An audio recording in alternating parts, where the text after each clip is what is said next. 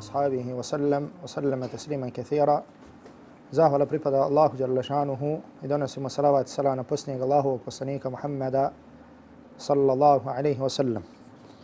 Kaže uzvišeni Allah tabarik wa ta'ala Ja ayuha allazina amanu taku Allahe haqqa tuqatihi wa la tamutunna illa wa antu muslimun. Ovi koji vjerujete, bojite se Allaha istinskom bogobojaznom što nemojte umirati osim kao pravi muslimani.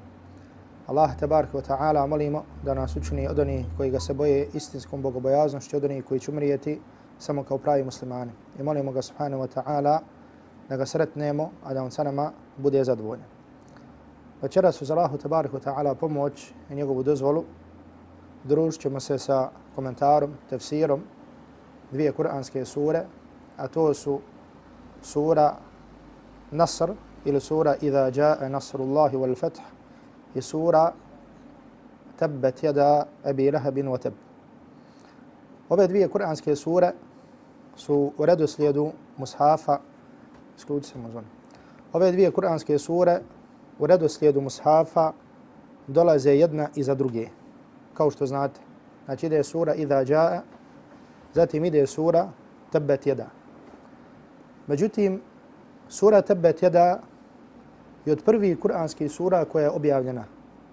Odnosno, objavljena je na samom početku poslanstva i govori o iskušenjima kroz koja je prolazio Allahov Resul sallallahu alaihi wa sallam. Kao što ćemo vidjeti. Međutim, sura Iza Ja'a, sura koja je prije nje, je od posljednjih kuranskih sura koje su objavljene. I zato je došlo, kao što ćete vidjeti, u govoru Abdullah ibn Abbasa, kao što je zabilježio muslim u svom sahihu od Ubejdullaha ibn Abdullaha ibn Utbe, da ga Abdullah ibn Abbas upitao, kaže, ta'lamu akhira suratin nazalat min al-Qur'ani jami'an. Kaže, znaš li koja je posljednja kuranska sura koja je objavljena? To jeste koja je objavljena u cijelosti. Jer većina je na stanovištu da posljednji ajet koji je objavljen je koji? وَاتَّقُوا يَوْمًا تُرْجَعُونَ فِيهِ إِلَى اللَّهِ I čuvajte se i bojite se dana kada će se vratiti uzvišenom Allahu. Međutim, cur, sura cjelokupna, posljednja koja je objavljena jeste, kao što je došlo u sahihu imama muslima od Ibn Abbas, da je to sura Iza ja'a Nasrullahi wal Fatah. Pa je rekao Abdullah, uh, pa je rekao Ubejdullah ibn Abdullah ibn Utbe, kaže to je sura Iza ja'a. Pa je Abdullah ibn Abbas rekao sadakte, rekao si, rekao si istinu. Također zabilježi imam At-Tabarani u svom dijelu Al-Mu'đam Al-Kabir, također od Abdullah ibn Abbasa, radijallahu ta'ala anhu, da je Abdullah ibn Abbas rekao, kaže, ahiru surati nazalat min al-Qur'ani jami'an, idha ja'a nasrullahi wal fat. Posljednja kuranska sura u cijelosti koja je objavljena, jeste sura idha ja'a nasrullahi wal fat. Znači, to je po mišljenju, po mišljenju jednog broja učenjaka. S obzirom da imamo gosta da ne bude dosadno, prevedim ti sam ukratko ovo što sam rekao, znači da je ova na početku objavljena, ova na kraju.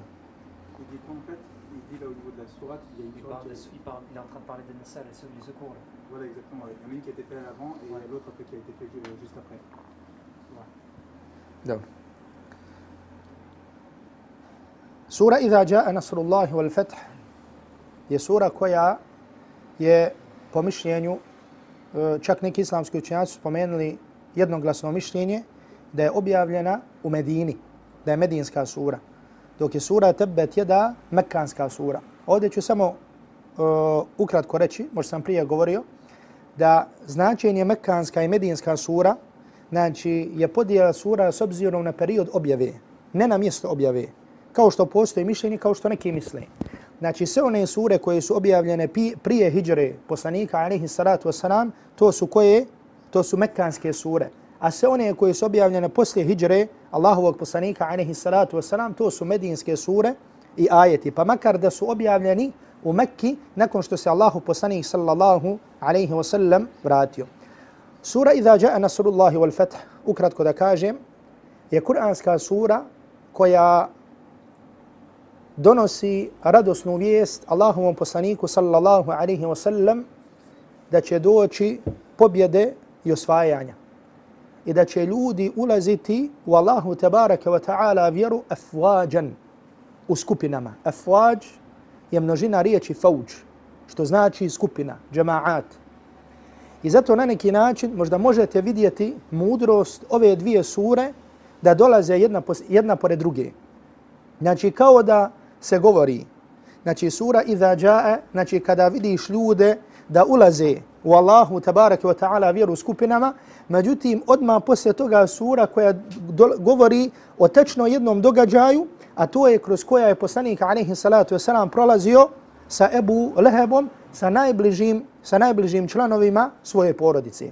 Pa tako prva stvar, sura Iza Džae govori i nagovještava velika osvajanja, znači osvaja, osva, prije svega osvajanja Mekke i druga, i druga osvajanja. Međutim, mimo toga, u suri Iza Džae, znači ove dvije stvari, ovo prvu ćeš im prevesti ovo drugu, druga stvar koja je sadržana u suri Iza Džae, koja? Ha? Nagovještaj smrti Allahovog poslanika sallallahu alaihi wa sallam. I zato ima jedan duža predaja koja je zabilježio imam Bukhari u svom sahihu od Ibn Abbas radijallahu ta'ala anhu. A znate već smo govorili da Abdullah ibn Abbas radijallahu ta'ala anhu bio mlad ashab. Međutim da je bio od najučenijih ashaba, međutim posebno kada je u pitanju šta? Razumijevanje Kur'ana. Jer je poslanik sallallahu alaihi wa sallam dovio za njega Allahumma allimhu thaqihu fid dini wa allimhu ta'wila. Allahu poduči ga propisima vjere i poduči ga tefsiru, odnosno ta'vilu Kur'ana. I Abdullah ibn Abbas radijallahu ta'ala anhu je bio od najučenijih ashaba Allahovog Rasula alaihi salatu wasalam kada je bilo u pitanju šta? Razumijevanje Kur'ana. I zato je zabilje imam Bukhari, opet od Ibn Abbas radijallahu ta'ala anhu, kaže Ibn Abbas, kaže kana Umar yudkhiluni ma'a ashyahi Badrin. Kaže Umar radijallahu ta'ala anhu me uvodio u društvo u kojem su bili učesnici Bedra. Znači Umar radijallahu ta'ala anhu je znači okupljao znači najučenije ashabe, a među najučenim i koji su imali najviše odlika i zasluga bili su ko? Bili su učesnici Bedra. Pa me uvodio, a bio sam mlad. Pa kaže, neki od njih bi govorili, lima tudhilu hadha al-fata walana abna'un mithluhu. Kaže, zašto uvodiš ovog dječaka među nama, među nas, a mi imamo sinove njegovih godina? Jel razumijete? Znači, iz ovog se razumije velika stvar. Allah vas nagradio. A to je da godine nešto znači, da imaju svoje. Znači, čovjek, koliko god bio, ovo posebno se obraćam, ili da kažemo, znači, omladini koja se prihvati vjere, ili čak studentima koji studiraju, nauče i tako dalje. Čovjek ponekad nauči neku stvar i misli da odmah on šta? Nema, znači, Ibn Taymi ovog ummeta, šehhul Islam ovog ummeta. Međutim, nema respekta prema onome koji je stari od njega. Znači, godine imaju svoje. Zato vidite ovdje, ashabi su govorili Omeru šta? Znači, uvodiš Ibn Abbasa, znači mlad. Znači, ne da su osporavali njegovo znanje, nego znači ipak godine znače nešto. Uvodiš Ibn Abbasa, a mi imamo sinove njegovih, mi imamo sinove njegovih godina. Međutim, Omer radijallahu ta'la anhu je znao zašto uvodi Abdullah ibn Abbas radijallahu ta'la anhu. I zato je samo ovdje skrenuti pažnju, Allah vas nagradio na respekt prema nekome koji je stariji. Znači, od koga se učuje vjeru. Pa makar da se ga prestigo, makar ne znam koliko da se ga prestigo, međutim, onaj koji je šta? Znači, onaj koji te naučio nekim stvarima od vjere kad si bio mlad, efendija koji te naučio, imam koji te učio, znači moraš da imaš respekt prema takvoj, prema, takto, prema takvoj osobi. Dobro, pa kaže, pa me uveo Omer radijallahu ta'ala anhu među učesnike Bedra. I pitao je šta kažete za ovu suru, za suru Iza ja'a nasrullahi wal fatah.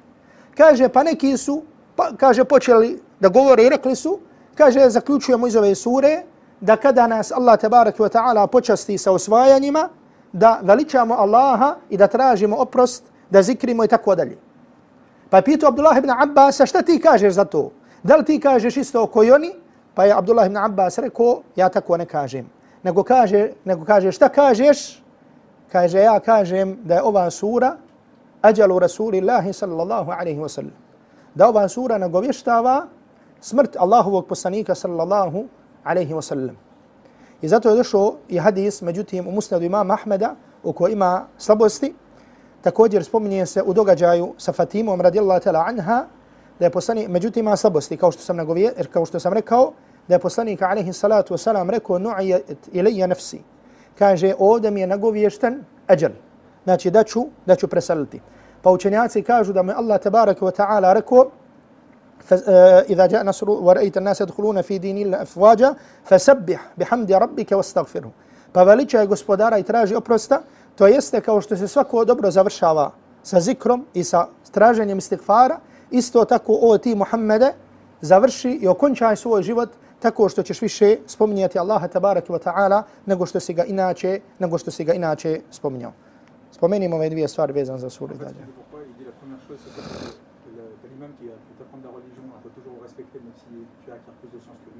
Et la deuxième chose, pourquoi? Parce que Omer, quand il avait appelé euh, Ibn Abbas au combat, il était beaucoup plus jeune que lui par rapport à d'autres qui avaient l'âge de son père. Et il dit en gros, parce que l'âge parfois ça ne fait pas tout, à la connaissance qui est juste avant.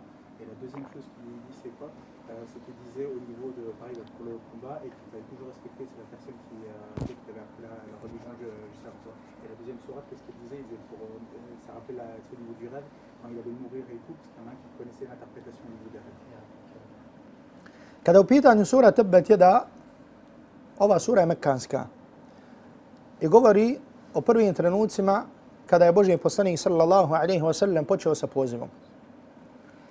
I ova sura ima povod, kao što je zabilježio imam Bukhari muslim, također opet od Abdullah ibn Abbas radijallahu ta'ala anhu, a to da kada je uzvišeni Allah tabarak wa ta'ala objavio ajet u suri Šu'ara wa anzir aširataka al-aqrabin i ti upozoravaj svoju najbližu rodbinu, Boži poslanik sallallahu alaihi wa sallam sa'ida nabiju sallallahu alaihi wa sallam ala safa.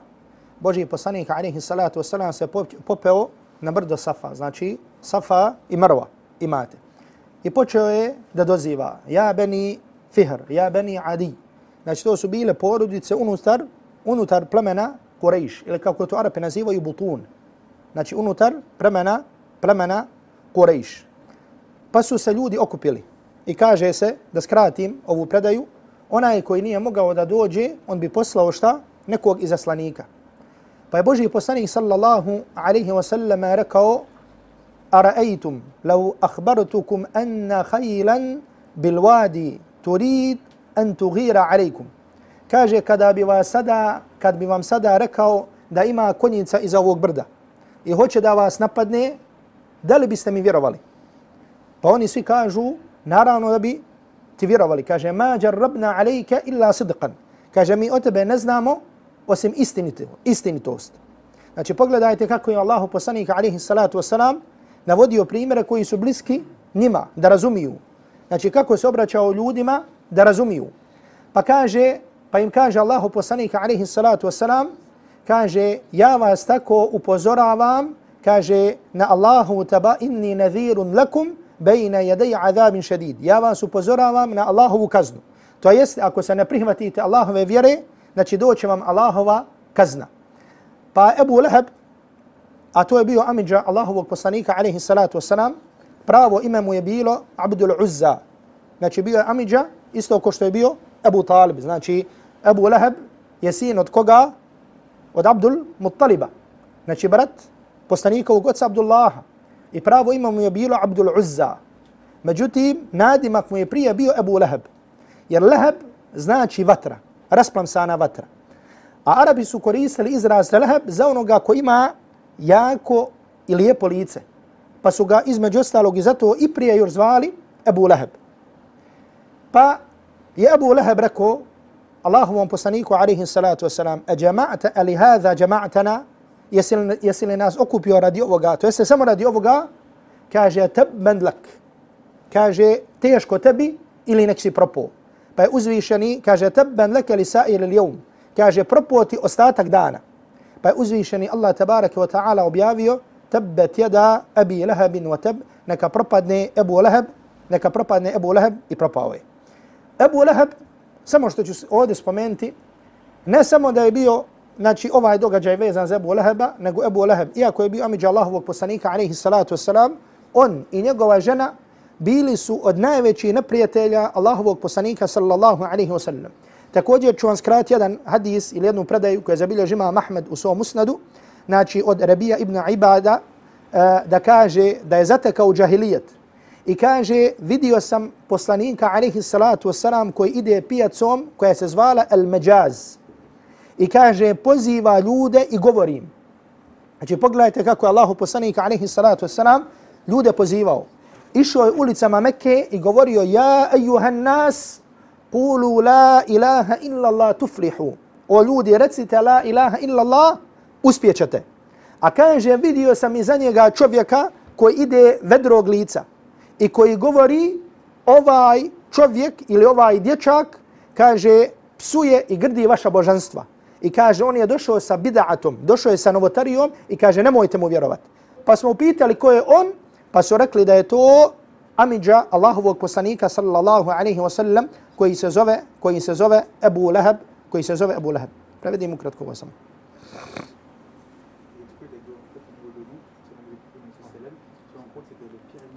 Nemojte zamjeriti, znači neki ljudi se koriste.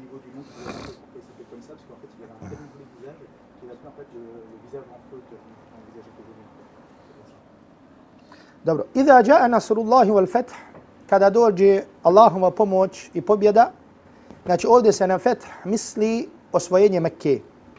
Znači ovdje se misli na osvojenje, na osvojenje Mekke. I kaže kada vidiš ljude kako ulaze u Allah i kada vidiš ljude kako u skupinama ulaze u Allahom vjeru. Znači Arapi su tada, kao što spominje Ibn Kesir u svom tefsiru, govorili, kaže, ako, a, ako Muhammed osvoji nas, ako zavlada Mekkom, to znači da je na istini. Ako zavlada Mekkom, to znači da je na istini. I mudrost je bila kada je Allahu poslanika alaihi salatu wasalam osvojio, osvojio Mekku, kada je ušao u Mekku, da skoro, kaže Ibn Kesir, nisu prošle dvije godine, a da skoro, znači, sva plemena, znači, na arapskom poluostrvu nisu ušli, nisu ušli u Allahu tabaraka wa ta'ala vjeru. I kaže se, fasabbih bihamdi rabbike. Kaže, ti veličaj svoj gospodara i traži oprost, innahu kana, innahu kana tawwaba. Kada su pitanju ajeti sure tabbet jada, tabbet jada abi lahabin wa tab, propao je Abu Lahab, neka propadne Abu Lahab i propao je. Kaže Ibn Kesir, al-awwalu dua'u alaihi wa thani khabaru anhu. Kaže, tabbet jada abi lahabin wa tab. Znači isti glagol. Međutim, kaže Ibn Kesir, ovo prvo je dova protiv njega, to jeste proklinjanje. Proklet bio Abu Lahab, neka propadne Abu Lahab. Znači nije prokletstvo samo da kažeš proklet bio, nego neke proklet, neke propao. A kaže wateb je kaže haber. To jeste propao je. Znači obavještenje da on u istinu, u istinu, da je on u istinu propao. Kaže ma agna anhu maluhu wa ma kasab. Kaže neće mu koristiti njegov imetak niti što je zaradio. Znači prenosi se, znači rahmetli Korkut ovdje prevodi niti ono što je stekao. Neki ono što je stekao prevode da se to misle na njegovu djecu. Na djecu. I to se prenosi mišljenje od Ibn Abbas i također od Aisha, od Mujahida i drugi, da kažu وَمَا كَسَبْ أَوْلَادُهُ I Ibn Mujahid prenosi se stvari od Ibn Mas'uda da Abu Lahab govorio ako je istina ono što govori Muhammed, ako je istina ono što govori Muhammed, kaže ja ću sebe odkupiti na sudnjem danu sa svojim imetkom i sa svojom djecom. Međutim, imetak i djeca, znači na sudnjem danu neće čovjeku ništa koristiti. يَوْمَ لَا يَنْفَعُ مَالٌ ولا بنون إلا من أتى الله بقلب سليم dan kada neće koristiti metak ni djeca, osim ko Allahu tabaraka wa ta'ala dođe čistog srca. Kaže, sa jasla naran dhata lahab. Kaže, on će, njega će pržiti vatra. Znači, u arabskom jeziku sa jasla sali je, znači nešto ispeći. Znači, kad se nešto peče na vatri. Znači, Allah tabaraka wa ta'ala ovdje opisio u detalje način kako će biti kažnjavan u vatri znači on će, kaže, on će sigurno ući u, u vatru rasplamsanu. Međutim, kaže vam jasla, znači nešto peči. I zato Ibn Kesir kaže ihraqin šedid. Znači vatra koja je strašno, koja je strašno peče. Kaže وَمْرَأَتُهُ حَمَّالَتُ ili حَمَّالَتَ. Znači postoje ovdje dva kirajeta. Znači u Alžiru, znači oni tamo uče, znači حَمَّالَتُ وَحَمَّالَتَ. Znači Hafs uči وحمالة المرفوع بالنصب نزلا كوكس سيتش مشاتبي كاجي وحمالة المرفوع بالنصب نزلا زنانش عاصم اوتي وح... كاكو اوناشن كرايتو كاكو حم... ومرته حمالة يلتاكو حمالة الحطب سيدروغي نتشي قالوا نيمرشو تشي حمالة الحطب مجوتي معاصم تشي حمالة الحطب إن يقوى جنا أودي سي برنوسي كويا حمالة يدريج حمال Znači onaj koji nešto, nešto nosi, on je šta? Kaže se hammal. Znači čak imate u nekim dijelu u arapskim pijacama, znači piš, ovako ljudi nose majice i piše se na njemu, znači hammalun. Znači kad nešto kupiš, on ti nosi ti mu, ti mu platiš. Hammaletu, ženski rod. Kaže, al-hatab može značiti drveće. Kaže i njegova žena koja je nosila drveće. Ko je bila njegova žena? Znači njegova žena zvala se kako? Zna, zvala se ummu, u stvari nije nadmak je bi ummu Jamil. A pravo ime je bila Arwa bin Harb bin Umayya, bila je sestra uh, Abu Sufjana. I bila je od najvećih protivnika Allahovog poslanika sallallahu alaihi wasallam i bila je od najvećih pomagača, znači koga svog muža. Dobro, Rahmetli, samo se želim ovdje osvrnuti da je Rahmetli Korkut ovdje preveo i njegova žena koja spletkari. Međutim, bukvalan prevod je ona koja nosi drveće. Ona koja tovari drveće. Međutim, Ibn Kesir spominje nekoliko mišljenja što znači hammaletul hatab. Pa kaže, tahmilul hatab fatulqi ala zawjiha. Znači ovo mišljenje odabro Ibn Kesir. Da hammaletul hatab znači i njegova žena koja će na njega bacati vatru u džahannamu. Znači ona žena, znači Ibn Kesir odabire se, znači po Ibn Kesir bi ovako preveli. Znači i njegova žena, znači koja je bila pomagač protiv poslanika alejhi salatu vesselam, koja će na sudnjem, koja će u džahannamu na njega bacati vatru. To jeste gorivo, znači od čega će goriti. Zašto? Znači kao što je to učinila na dunjaluku i pomagala mu, Allah Đelešanu će učiniti na ahiretu da ga šta? Da mu pomaže, međutim da mu pomaže da šta? Da gori. Drugi kažu kana temši bin namime, znači hodala je sa ružnim govorom, sa namimetom.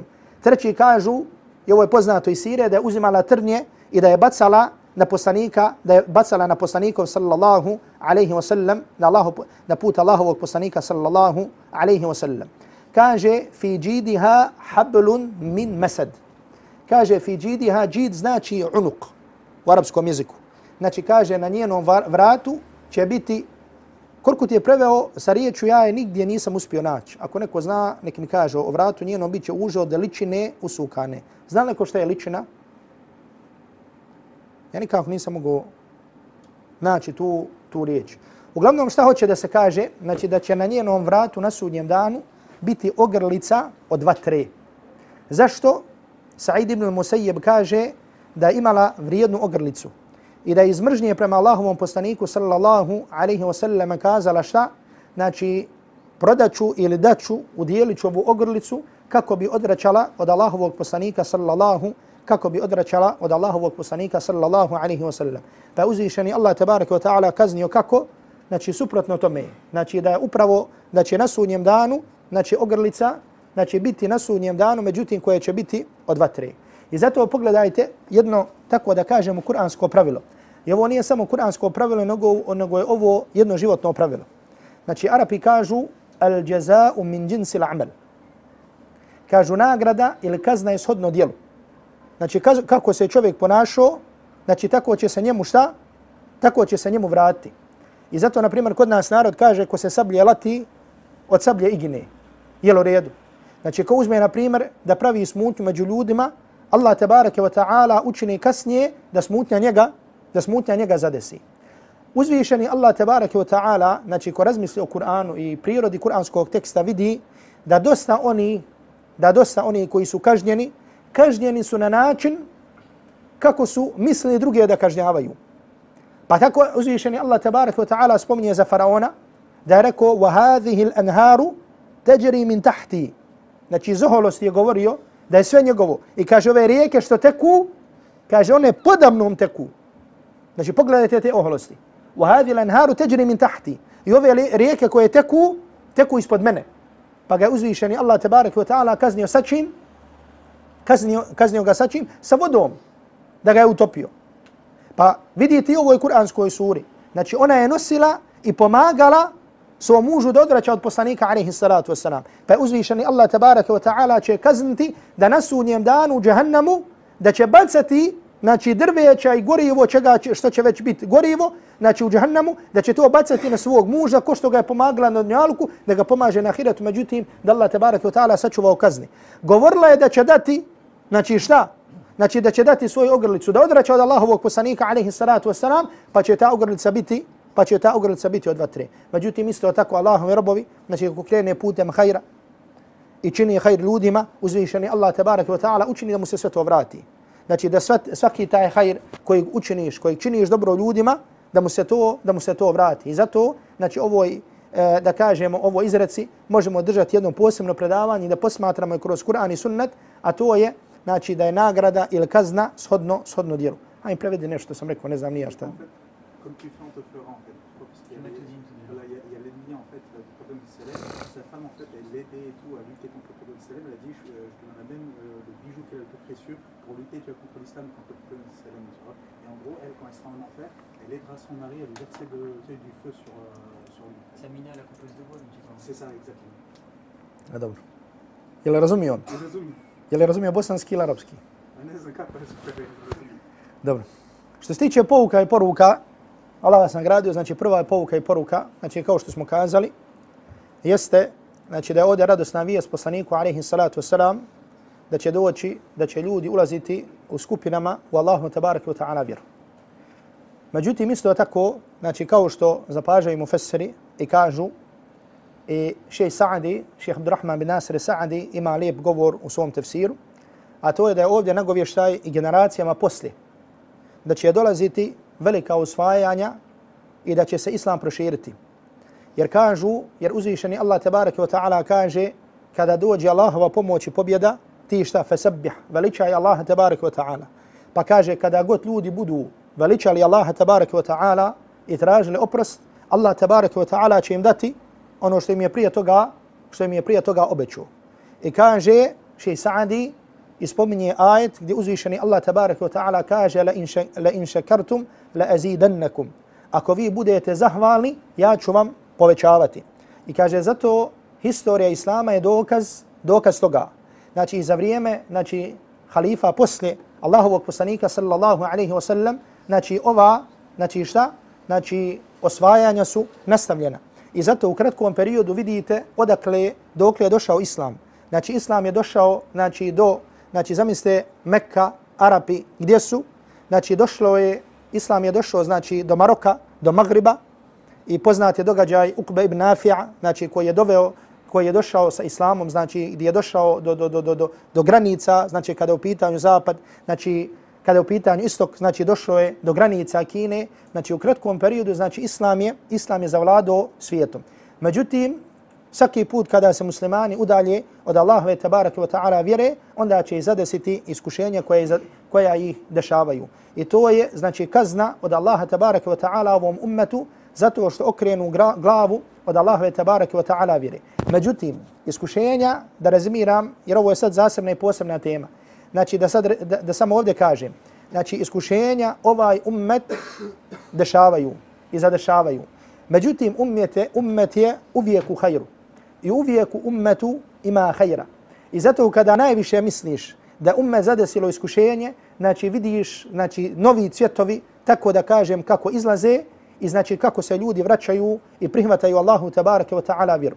Kada ljudi najviše stisnu na islam, znači da kažemo, on tada daje svoje plodove. Znači učenjaci kažu isto kao naranča, ovo je prevede ovaj primjer, znači ti kad je stisneš, što je više stisneš, više soka izlazi, izlazi iz nje. I pogledajte, pored svi ovih iskušenja i govora o islamu, da islam vaki, da islam naki, ljudi se vraćaju i prihvataju Allahom vjeru. Znači oni koji su bili najveći neprijatelji Allahove tabarake wa ta'ala vjere, prihvati Allahu tabarake wa ta'ala vjeru. Zašto? Zato što je to vjera od Allaha. Nije vjera, nije vjera od ljudi. I ovo je također nagovještaj ono što je rekao Allahu poslanik alaihi salatu wasalam za svog života. Ovaj hadis zabilježio imam, imam Ahmadu svom musnadu da je kazao da se preno, da kaže imam Ahmed o temima dar, dar, dar, Darija se prenosi da je Allahu poslanik sallallahu alaihi wa sallam rekao la yablughanna hadha al-amru ma balagha al-layl wan-nahar. Kaže ova stvar, to jest ova vjera će doći dokle dolazi dan i noć. Kaže wala yatruku Allahu bayta madarin wala wabarin illa adkhalahu al-islam. I kaže Allah neće ostaviti ni jednu kuću Znači bilo kakva da je kuća, nastanba od šator kuća, a kaže da u nju neće ući da u nju neće ući islam. I to je ono što smo svjedoci, što smo svjedoci ovih dana. Koliko god da su napadi na islam, uzvišeni Allah tabaraka wa ta'ala daje, znači da kuća, znači ljudi koji žele istinu, vide istinu i vraćaju se, znači prihvataju islam ili se vraćaju Allahu i tabaraka wa ta'ala vjeri.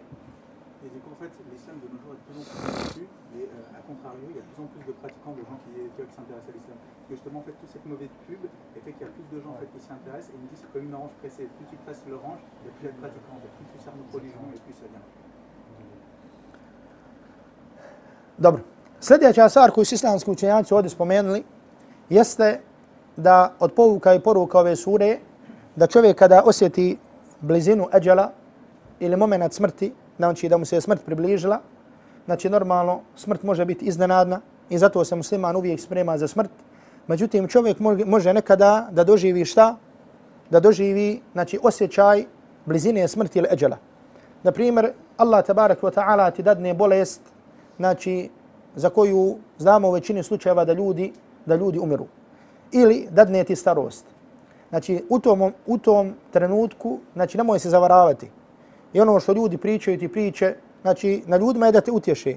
Međutim, kada čovjek osjeti blizinu eđela, a eđel dolazi svakome, znači tada čovjek treba da poveća, da poveća svoj ibadet.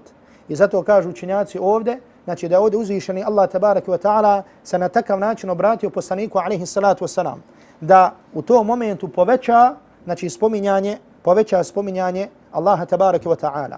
I zato možda sam vam spomenuo uh, primjer uh, jednog studenta ukoliko je ezan. Ha? Jednog studenta koji je, mislim, bio student u Medini, međutim, izgleda, rekli mu da boluje od raka ili ne znam čega. I došao je, obratio se jednom šehu i rekao, bolem od toga i od toga i tako dalje. Znači, čovjek ga posavjetovao i rekao, kaže, Allahova milost kaže prema tebi. Znači, dao ti i šaret da ćeš mu se brzo vratiti. Idi i vrati, gledaj jesi li kome je dužan šta od hakova, bilo jezikom, bilo rukama, bilo i metkom i vrati te hakove prije nego što se vratiš svom gospodaru.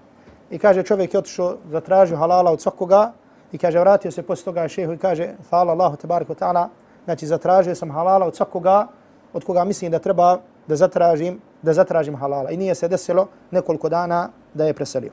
Zatim također učenjaci kažu da uh, ovi ajeti ukazuju nešto, znači Allah vam dao svako dobro, znači da se čovjek zahvaljuje Allahu tabaraka wa ta'ala prilikom dešavanja blagodati. Znači kada ga zadesi neka blagodat, da treba Allahu tabaraka wa ta'ala da veliča, da treba da Allah tabaraka wa ta'ala više veliča i zahvaljiva radi te, radi te blagodati. I zato, na primjer, ima jedan detalj u siri Allahovog poslanika, alaihi salatu wasalam, koji su učenjaci spominjali, znači hadis, učenjaci hadisa su prvo spomenuli, a zatim raspravljali su o tome. Naime, o čemu se radi? Allahu poslanik, alihi salatu wasalam, kada je osvojio Mekku, ušao je znači, u kuću Muhani i šta je radio? Je klanio neki namaz? Klanio osam rekata, znači jedan broj učenjaka kažu duha namaza. Allahu poslanik alihi salatu wasalam prilikom osvojenja Mekke, kad je ušao u Mekku, znači klanio je, spominje se osam rekata duha namaza. Znači duha namaza, ovo da kažem pod navodnicima. Učenjaci razilaze da li je to duha namaz ili nije. Pa jedan broj učenjaka kaže ovo nije duha namaz. Zato što Boži poslanik alaihi salatu wasalam nije ustrajavao na klanjanju duha namaza. I poslanik je ovdje bio musafir. Kažu nego ovaj namaz se zove salatul fethi. Znači namaz prilikom osvojenja. I zato kaže mustahab je, znači vojsci kada osvoje nešto da Allahu da klanjaju osam rekata na file namaza zahvaljujući Allahu tabaraka wa ta'ala radi onoga radi onoga što im je radi onoga što im je dao. Dobro. Skraću još i kažem da učenjaci kada govore u suri Tabbat jada Abu Abi Lahab wa Tab da spominju jednu stvar, ovu stvar ćeš im preves, a to je da je u ovoj kuranskoj suri dokaz istinitosti poslanstva sallallahu poslanstva Allahovog poslanika sallallahu alejhi ve sellem. Znači sad ovome da ne govorimo. Znači Allahovi robovi, Allah tabarak wa ta'ala objavio Kur'an i dao jasne dokaze da je Kur'an istina. Znači i u vremenu poslanika i znači ti dokazi traju sve do danas. I zato vidite šta? Znači, zato, na primjer, imate ovaj, ili ađaz ili ilmi, znači naučna otkrića, gdje ljudi svaki dan otkrivaju nešto, svaki dan, znači kako vrijeme prolazi, otkrivaju nešto, znači, na primjer, da medicina ili ova ili ona nauka potvrđuje ono o čemu govori, o čemu govori Kur'an. I to je jedan vid dokaza istnosti Kur'ana i poslanstva poslanika sallallahu alaihi wa sallam. Međutim, od dokaza istinitosti poslanstva sallallahu eh, poslanstva Allahovog poslanika sallallahu alaihi wa sallam jeste što ono što je došlo u govoru poslanika znači ili u Kur'anu ili u poslanikovom sunnetu da je Boži poslanik nešto obavi, nagovijestio nije se desilo da se desilo suprotno i da je to zabilježio iko da kažemo od historičara da je Boži poslanik rekao tako će biti pa da se desilo desilo drugačije Pa u ovoj suri tebet jeda Allah tabaraka wa ta'ala kaže da će Ebu Leheb, a ovo je bilo na početku poslanstva, i njegova žena da će je završiti u vatri. Je li tako? Znači na početku Islama su bili neprijatelji Islama.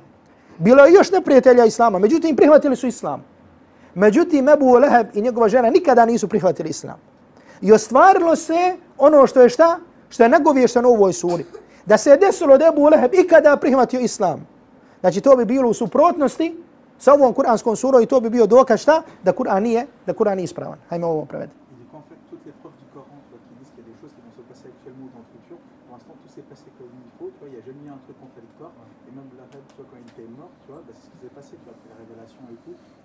fois il a été mort et tout, il a été puni, tout ce qui a été euh, dit. Et du coup, après, euh, là actuellement, les, mêmes scientifiques qui découvrent encore de chaque jour de nouvelles choses qui ne sont jamais en contradiction avec le Coran. Et actuellement, il n'y a jamais rien eu en contradiction avec le Coran, sinon ça annulerait euh, tout, ce qui est, tout ce qui était l'épreuve du Coran. Dobro. Zatim također, bitna stvar koju razumijevamo i sure Mesad ili sure Tebet jada Ebi Lehbin wa Teb, a to je, draga braćo, da svaki čovjek koji krene putem Allahove vjere i posebno koji krene putem da poziva Allahu tabaraka wa ta'ala, taj čovjek će biti iskušan. I to je priroda Allahove tabaraka wa ta'ala vjere. I bit će iskušan i imat će tako da kažemo neprijatelje, može imati neprijatelje pa makar od najbliže rodbine. Pa makar da ima neprijatelje od najbliže rodbine, kao što je poslanik sallallahu alaihi wa sallame imao znači neprijatelje u kome u njegovom, u njegovom amidži i u njegovoj, tako da kažemo, i njegovoj, i njegovoj strini. Kogod krene putem Allahove tabaraka wa ta'ala vjere, on će biti iskušan. I svaki alim, svaki daija, svaki reformator će biti iskušan. I zato je čudno da ljudi misle da može da se desi neki napredak, a da ne bude iskušenja. Znači, to je nemoguće. Isto ako što čovjek u sportu ne može ostvariti neki cilj bez prethodnog čega treninga, Znači isto tako ne može doći napredak osim sa iskušenjima. Ne može čovjek da postigne neki napredak da kažemo nauci bez napornog rada. Isto tako, znači ovdje se radi o iskušenjima. Međutim, dešava se, ali ovdje treba napomenuti da čovjek nije taj koji treba niti smije da traži iskušenja. Obratite pažnju na ovu stvar. Jedno je iskušenja, a drugo je da čovjek traži iskušenja. Danas imaš ljudi koji traže iskušenja, kao da hoće da kaže, vidiš, ja sam na pravom putu, ja sam iskušan. Ne, znači čovjek treba da se kloni, da bude uzrok bilo kojeg iskušenja. Međutim, priroda je da će njega Allah tabaraka wa ta'ala iskušat. Jel razumijete? I zato je Ibn Qayyim na više mjesta u svom dijelu spomenuo govor imama Šafije, da imam Šafije upitan je li bolje za čovjeka en yumekken av yubtala. Je li bolje za čovjeka da bude mu da mu bude data vlast ili da bude iskuš, iskušan. Pa kaže la yumekken hatta yubtala neće mu biti dat neki položaj ili ugled sve dok ne bude iskušan. I zato svaki čovjek u svojoj porodici, u svoj, znači taman u svojoj porodici, u svom društvu, mora biti iskušan. Posebno onaj znači, koji krene putem znači Allahove, Allahove tabaraka wa ta'ala vjere, a to je šta? Znači da poziva Allahu tabaraka wa ta'ala. S tim što ovdje želim da kažem jednu stvar.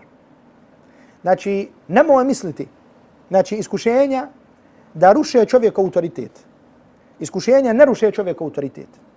I niko ne može čovjeku srušiti autoritet kao što ga može ti srušiti sam, sam sebi. Obratite pažnju na ovu stvar. Iskušenja su jedno. Znači dođe ti iskušenje. Znači Allah tabarak wa ta'ala spominje Jusufa alaihi salam ka iskušenje. Kako su ga obtužili? Zašto?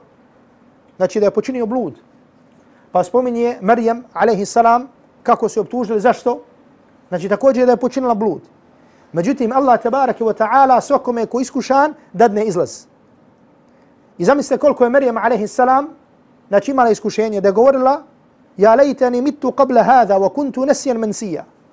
Kaže da sam Bog do umrla prije ovoga. Znači zamislite, znači veličinu tog iskušenja. Da sam Bog do umrla da me ovo nije zadesilo. Međutim, u svoj utrobi je nosila koga? U svoj utrobi je nosila poslanika. Ovo im prevede. Znači da je govorila da je imala iskušenja do utrobi. Znači poslije iskušenja dolazi hajr.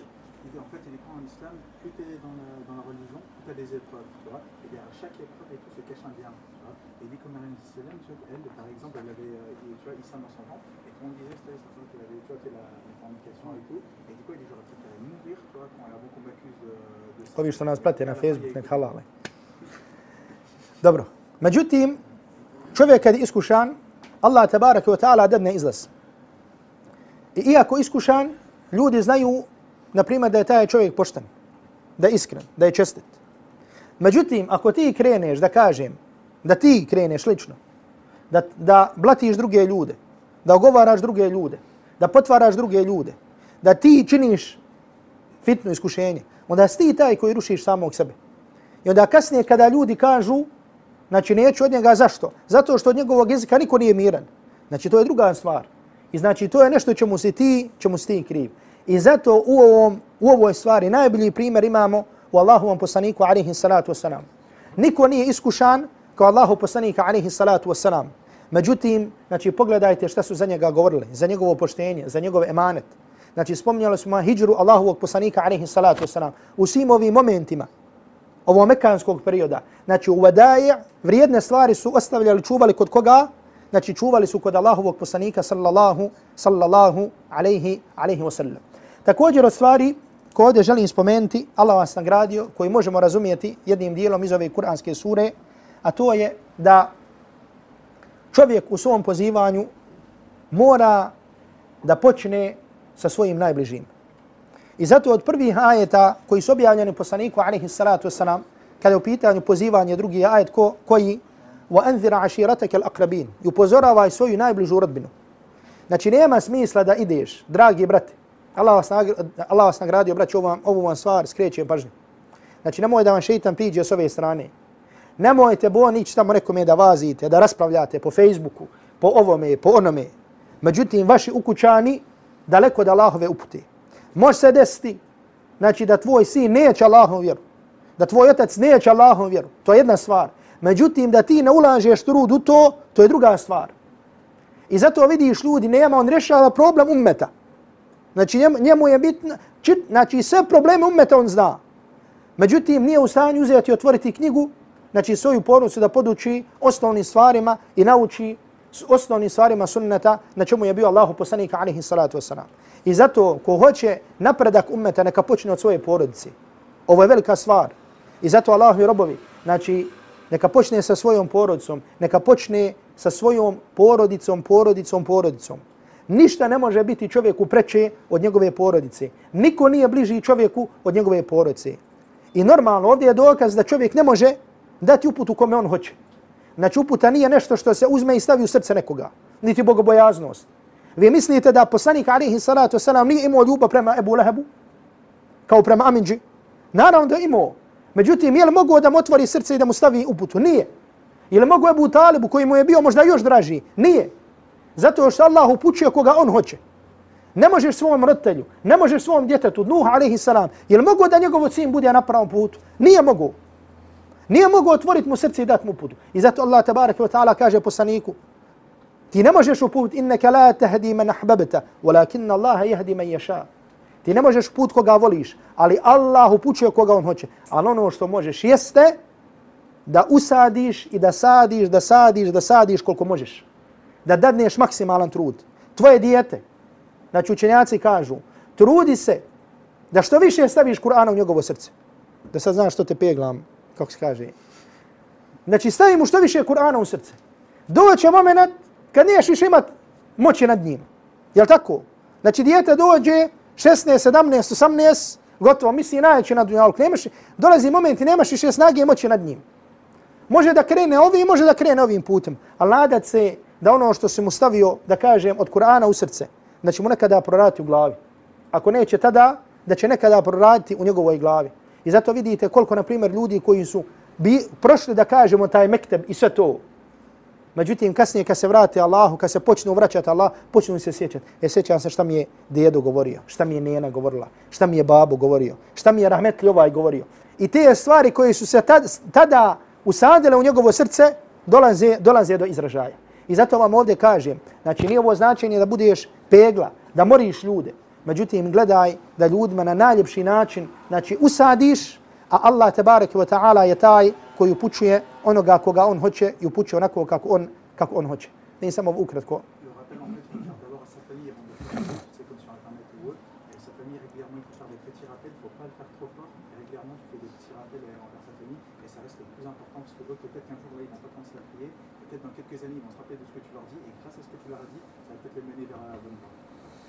I stvar sa kojom ćemo završiti, znači posljednja stvar, i opet ovdje želim da vam skrenem pažnju, a ponekada je u stvarima ponavljanja, znači veliki hajr, iako nekada zna izgledati biti dosadno, a to je, draga braća, draga braća, što vam često puta kažem i napominjem sebe da i vas, da ljudima na jednostavan i lahak način, znači šta?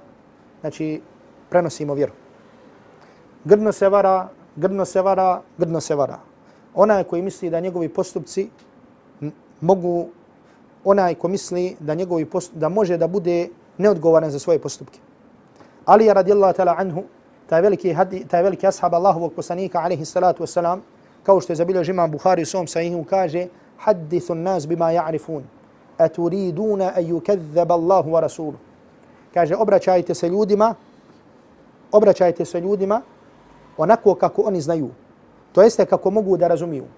Zar želite da u laž utjeraju Allaha i poslanika. Znači šta se iz ovog može razumjeti? Da tvoj postupak može biti uzrok da neko utjera u laž Allaha i njegovog poslanika. I zato učenjaci govore, znači govorili su mudrosti, i o tim stvarima koji su govorili jeste na jednostavan način da se vjera prenosi. A od jednostavnih stvari jeste znači, da naučimo tefsir ovih kratkih sura i da to ljudima prenosimo.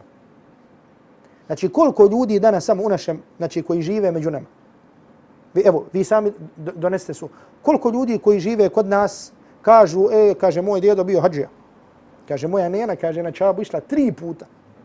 Moj pradjedo bio hođa. I kaže, ja našo, rekli mi da je išao nađ toliko i toliko puta. Znači, draga braćo, rodbinska veza bez imana ništa ne koristi. I šta je najbolji način da kažemo, pojednostavimo tim ljudima? Da ne koristi ti ta rodbinska veza, jeste sura tebe tjeda. Znači, Abu Leheb je bio ko? Ameđa Allahovog poslanika, alaihi salatu wasalam. Znači, zamisli neko kaže, dobro, ako je to tako, ali moj bratić je Allahov poslanik. Najbliž, najdraže stvorenje Allahu, tabaraki wa ta'ala. Ali ništa, to, ništa ta veza neće koristiti. Ništa ta veza neće koristiti, osim, sa čim, osim sa imanom. Međutim, kada ima imana, onda rodbinska veza može da koristi. I to je sad jedna zasebna tema. Znači može da koristi u smislu znači da bude povećanje deređa, da bude šefađija i tako dalje. Međutim, onda kada nema imana, kada nema osnove imana, znači rodbinska veza ništa ne može da koristi.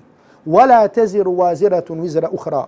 Znači niko neće snositi tuđe grehe, niti iko može nekome da kažemo da učini da bude ovaki ili onaki. I zato vam kažem, znači ove kratke sure, znači naučimo, naučimo njihova značenja i prenosimo to ovom narodu, znači da budemo uzrok da se ljudi vrate Allahu i tabareke wa ta'ala vjeri. I nemojte nikada zaboraviti da ćemo mi jednog dana, i s ovim završavam, da ćemo mi jednog dana biti dio prošlosti. I da ćemo mi jednog dana da će se o nama govoriti u prošlosti. I da će se re reći Dževa rahmetli, Miran rahmetli, Kukrica rahmetli, ovaj rahmetli i tako dalje. Znači, bit ćemo rahmetli ili prve generacije ili druge generacije i tako dalje. Međutim, ako nas već ljudi budu spominjali, da budemo uzrok da nas ljudi spominju po hajru. Jer kao što kaže poznati arapski pjesnik Ševki, da je lijepo spominjanje i lijepo sjećanje na čovjeka, da je to čovjekov drugi život. I zato os, znači, ostavimo trag da nas se ljudi sjećaju po dobru. Da budemo uzrok da se ljudi vrate Allahu i tabarake wa ta'ala vjeri. Da kažu znači taj ja sam učio pred tim i tim, a on je učio pred tim i tim. Pa da ti možda budeš taj, taj, taj neki tamo drugi ili treći rahmetlija, ili koji imao veze sa njim, ili koji ne znam, znači imao udjela u nekom projektu, da se ljudi vrate, vrate Allahove tabaraka wa ta'ala vjer. I razumijete me šta govorim? Znači da budemo, da ljudi kažu naše djede ili naše očevi su ostavili iza sebe hajra. Znači ostavili su ili za sebe knjigu ili su ostavili za sebe znanje. Znači živo znanje, podučiš svoju familiju. Znači podučiš svoju, dje, svoju djecu i tvoje djete bude alim veliki. Unuče ti bude alim veliki. Znači ko zna šta će ti, ko će ti ili šta će ti biti djete, djete ili unuče. Ali živimo sada sa tom svješću da ćemo jednog dana biti dio prošlosti i da će nas se ljudi sjećati. Međutim, po čemu nas će se sjećati? Allah tabarak wa ta'ala molim da nas se sjećaju po dobru. Allah tabarak wa ta'ala molim da nas smiluje i da nam oprosti. Wa sallallahu ala Muhammedin wa ali wa sahbihi wa sallam